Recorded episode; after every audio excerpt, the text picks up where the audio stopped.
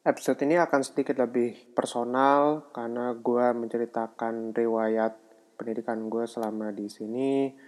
Ya terus curhat aja sih dikit sebenarnya karena emang lagi nggak ada topik yang menarik buat diomongin gitu loh.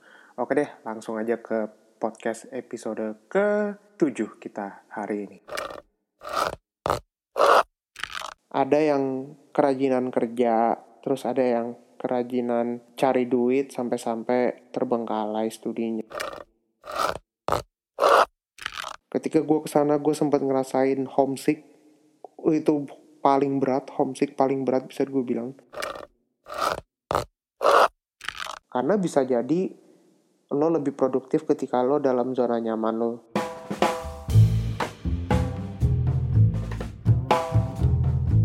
Selamat datang di 19 in Week Podcast bersama gue Ibi.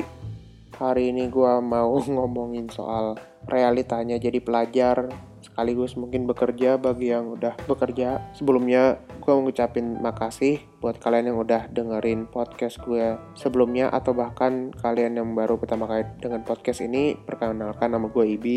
Gue kuliah di Jerman saat ini Udah semester akhir Lagi ngerjain skripsi. Tapi itu nanti bakal kita bahas juga. Hari ini gue mau ngebahas soal realitanya jadi pelajar sekaligus menjadi pekerja di negeri orang. Jadi sebelumnya gue akan cerita bagaimana gue bisa jadi sampai sekarang. Gue 2012 datang ke Jerman bulan Oktober. Habis itu kira-kira kurang, kurang lebih 8 bulan. Setelahnya itu gue pokoknya selama 8 bulan itu gue belajar bahasa Jerman mulai dari level yang sebenarnya dari level yang nggak rendah-rendah banget karena sebelumnya udah belajar di Indonesia. Tapi itu adalah proses yang sangat panjang untuk gue bisa masuk ke tahun prakuliah gue 2013 karena untuk bisa masuk ke program itu gue harus ikut tes lagi gue harus bersaing lagi dengan para peserta tes yang nggak cuman anak-anak Indonesia aja yang ngetes tapi juga dari negara-negara lain akhirnya alhamdulillah masuk 2013 sampai 2014 itu kurang lebih setahun. Selama itu juga belajar ya ngulang-ngulang lagi lah pelajaran SMA sekaligus perkenalan pelajaran-pelajaran dalam bahasa Jerman. Plus juga belajar bahasa Jerman lagi ningkatin bahasa Jerman lagi. Sampai pada 2014 akhirnya gue masuk kuliah jadi gue lulus 2012 tapi 2 tahun kemudian gue baru masuk kuliah. Ya itu realitanya sih. Waktu itu sih gue ngomongnya pas zaman zaman itu kalau lagi pulang ke Indo gue bilang oh gue udah semester 2 di sini padahal aslinya mah itu masih prakuliah doang gitu. Loh ya cuman waktu itu kan lo belum tahu lo masih agak naif buat nggak mau mengakui kalau lo sebenarnya mau belum kuliah. Cuman ya gimana gitu karena stigma nya waktu itu kan orang bilang kapan lu lulus? Gitu. Lu lulus 2016 ya lulus gini atau ini ya, ya waktu itu sebagai orang yang kuliah di luar negeri pun sebenarnya ya ada rasa terburu-buru gitu sih. Ya cuman itu kan dulu sekarang realitanya udah nggak lagi sih gitu. Nah jadi gue 2014 mulai kuliah dua semester awal tuh bisa dibilang lumayan berat karena tadi yang tadi ya di pra kuliah tuh semua kuliah tuh masih terasa gampang karena mungkin itu pelajaran SMA terus lu lebih lebih rajin terus yang ngajar juga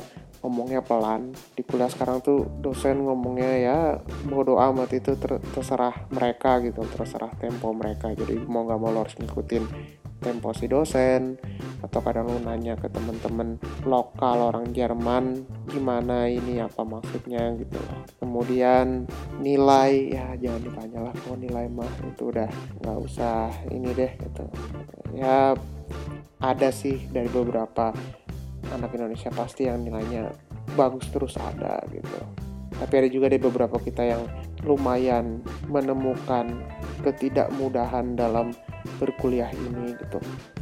Jadi kalau misalnya kalian sering dengar atau dari teman-teman kalian yang kuliah di luar kayak misalnya pindah jurusan atau pindah kuliah, tolong dimaklumi karena memang itu susah gitu Apa namanya untuk bisa menempuh pendidikan di luar negeri gitu dengan bahasa yang berbeda, dengan situasi yang berbeda apalagi kalau misalnya si anak itu juga nggak setiap bulan atau nggak setiap berapa bulan sekali lah itu diberi pemasukan konstan dari orang tuanya gitu mau nggak mau kerja lagi gitu loh.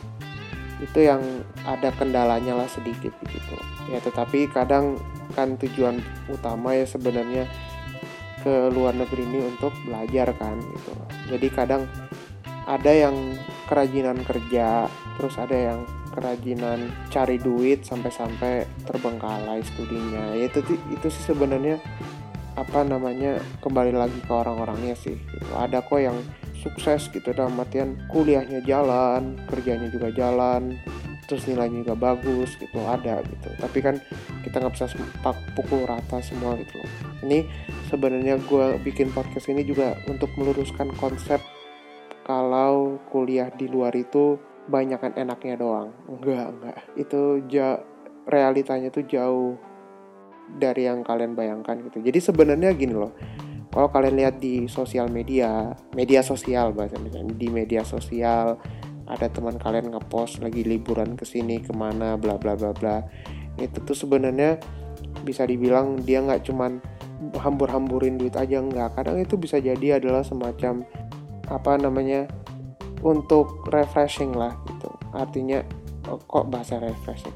Apa namanya ya sekedar menyegarkan diri lah gitu. Sekedar mencari suasana baru gitu loh dalam perkuliahan gitu. Karena memang di sini kuliah ya kerjaan kita mau double kan gitu kita harus ngerti pelajarannya tapi di saat lain kita juga harus ngertiin pelajaran itu dalam dua bahasa bahasa lokal dan bahasa Indonesia gitu atau kadang bahasa Inggris juga harus ngerti gitu. terus dua tahun pertama itu adalah kuliah yang paling krusial karena sering dibilangin sama dosen sering dibilangin sama angkatan atas di kampus bilang empat semester awal itu penting untuk me, untuk bisa apa namanya memastikan apakah kuliahnya ke depannya tuh termasuk lancar apa enggak gitu. Alhamdulillah gue termasuk ke dalam kriteria itu namun juga ya gue nggak bisa bilang itu hal yang bisa dibanggakan itu karena emang seharusnya gue sebagai pelajar yang udah dikasih investasi sama orang tua untuk belajar di sini juga harusnya gue bisa lebih, melakukan jauh lebih baik dibanding itu gitu loh 2014 2016 selama itu gue pernah kerja oper koran bentar terus pernah di, kerja di restoran juga sebentar. Kemudian 2017 akhirnya gue mencari apa namanya tempat magang gitu. Itu yang sebenarnya paling susah gitu. Mencari tempat magang ini di Jerman khususnya itu harus siap-siap bersaing dengan orang lokal juga gitu yang sebetulnya mempunyai keunggulan lebih karena mereka bisa bahasa lokal gitu. Ya, gue mencari-cari di sini daftar ke lebih dari 50 perusahaan, rata-rata ditolak semua gitu. Sampai pada akhirnya sempat mutusin untuk praktek kerja di Indo namun waktu itu pas lagi musim ujian iseng daftar ke salah satu perusahaan di Jerman di utara Jerman habis itu nggak ada ekspektasi sama sekali bakal keterima apa enggak tahu-tahu beberapa minggu sebelum gua pulang ke Indo lebih tepatnya dua minggu sebelum gua pulang ke Indo gue dikabarin kalau misalnya gue dapet jadwal untuk wawancara ke sana ke utara Jerman. Tanggal berapa? Itu tanggalnya seharusnya mereka ngasih itu tanggal pas gue udah di Indo. Namun waktu itu gue coba atur ulang gue minta jadwal yang lebih cepet dikasih lah jadwal satu hari sebelum gue ke Indo. Wah itu apa urusan atur jadwal itu bener-bener yang paling inilah yang paling spontan yang pernah gue alami sebetulnya. Terus akhirnya gue daftar eh bukan daftar apa namanya pokoknya akhirnya gue datang ke sana dengan persiapan yang udah gue usahakan siap lah gitu. Gue dalam artian kalau dalam bahasa Inggrisnya presentable gitu ketika nanti gue diwawancara gitu. Wawancaranya berjalan cukup lancar lumayan lama satu setengah jam ditanyain pelajaran-pelajaran dasar lagi. Habis itu kemudian besoknya pulang ke Indo liburan terus seminggu kemudian kasih kabar kalau gue keterima di sana. Jadi secara nggak langsung yang tadinya gue udah sempat mutusin untuk praktek kerja di Indo jadinya kembali ke Jerman. Tapi di sisi lain itu lumayan berat buat gue karena baru kali itu gue pindah ke kota yang lumayan jauh dari kota gue tempat belajar sekarang. Kota tempat gue belajar sekarang itu bisa dibilang ya di tengah-tengah lah gitu. Gue ke mana-mana nggak jauh gitu. Ketika gue pindah ke utara Jerman itu itu berasa kayak pindah rumah pindah negara lagi dengan budaya dan orang-orang yang beda pula dari yang tempat gue tinggal sekarang. Ketika gue ke sana gue sempat ngerasain homesick. Itu paling berat homesick paling berat bisa gue bilang. Sampai yang tadinya gue biasanya nelpon bonyok itu dua atau tiga hari sekali itu tiap hari gue telepon gitu. Demi ya supaya homesick gue hilang udah kangen rumah gue hilang gitu dan pertama kalinya gue merasakan sistem kerja di Jerman yang sebetulnya sama aja sih kayak di Indo. Cuman bedanya adalah kalau di Jerman itu sistem kerjanya tergantung perusahaan sih. Di di tempat gue kemarin itu yang di utara Jerman itu gue minimal harus kerja 35 jam per minggu. Dalam artian satu minggu itu gue kerja paling nggak satu hari 7 jam belum sama istirahat. Nah sistem kerja yang membedakan Jerman sama Indo adalah bahwa kita nggak boleh lembur. Dalam artian maksimal kita di kantor itu adalah 10 jam setiap hari. Kalau misalnya kita lebih dari itu kita dimarahin sama kantor dalam artian kita kerja terlalu keras atau apa. Sehingga kan kantor mau nggak mau kan harus meliburkan kita atau apa. Karena nggak mau kantor tuh nanti dianggap sebagai mengeksploitasi pekerjanya gitu lah. Udah ada aturannya juga di di sana gitu loh. Ya jadi gue bisa dibilang sebenarnya gue pun mm, beberapa kali ngambil lembur karena emang tujuannya supaya bisa libur. Dan di mana itu ada aturannya juga. Kalau misalnya gue mau ambil libur berarti gue tandanya paling tidak gue harus punya total lembur tuh minimal 7 jam untuk bisa dianggap libur satu hari. Jadi semuanya udah diatur udah dihitung segala macam ya lumayan lah. Jadi itu sistemnya kurang lebih seperti itu kerja di Jerman. Jamnya fleksibel. Artinya gue kadang masuk pernah masuk pagi jam 7 pernah pulangnya lebih cepet jam setengah 4 atau gue pernah masuk agak siang karena misal kesiangan jam setengah 10 berarti gue supaya bisa dihitung kerja 7 jam sehari gue berarti pulang jam 5 atau setengah 6 udah dipotong istirahat. Nah fast forward atau ke 2018 Februari akhirnya gue selesai praktek kerja atau internship di situ. Ada rasa lega bahwa ternyata gue sudah melewati hari-hari yang menurut gue sebenarnya lumayan berat. Karena lumayan beratnya dalam artian baru kali itu gue ngerasain betapa gue baru bisa menghargai kota tempat gue kuliah sekarang gitu loh. Yang tadi ya gue sebenarnya nggak suka. Dalam artian tuh kotanya membosankan. Namun ketika gue ke utara Jerman itu gue merasakan bahwa kota ini nggak tidak seburuk yang gue bayangkan lah gitu. ternyata kota ini ideal lah. Udah kenapa gue kembali ke kota ini? Padahal sebetulnya gue bisa meneruskan apa skripsi di sana juga. Ya pertimbangannya adalah karena gue masih ada rumah damatian rumah ini nggak disewain berarti gue kalau misalnya gue lanjut di utara Jerman itu berarti gue harus ke harus cari lagi yang mau nyewa kamar gue ini. Kalau nggak ada yang mau nggak mau bayar double jadi rugi gitu loh. Ya udah akhirnya gue kembali lagi ke kota gue ini cari lagi perusahaan baru yang gunanya gue buat ngerjain skripsi di sana. Alhamdulillah keterima juga dan deket dari rumah juga cuma 10 menit naik sepeda. Jadi itu sangat membantu sekali terutama dalam transportasi. Ya gue hanya ngerja ngerjain skripsi dari bulan Mei kemarin sampai mungkin insya Allah kalau lancar Agustus akhir udah bisa ngasih skripsinya ke kampus. Nah, sebenarnya apa sih intinya dari cerita yang gua barusan omongin atau apakah ada faedahnya atau enggak?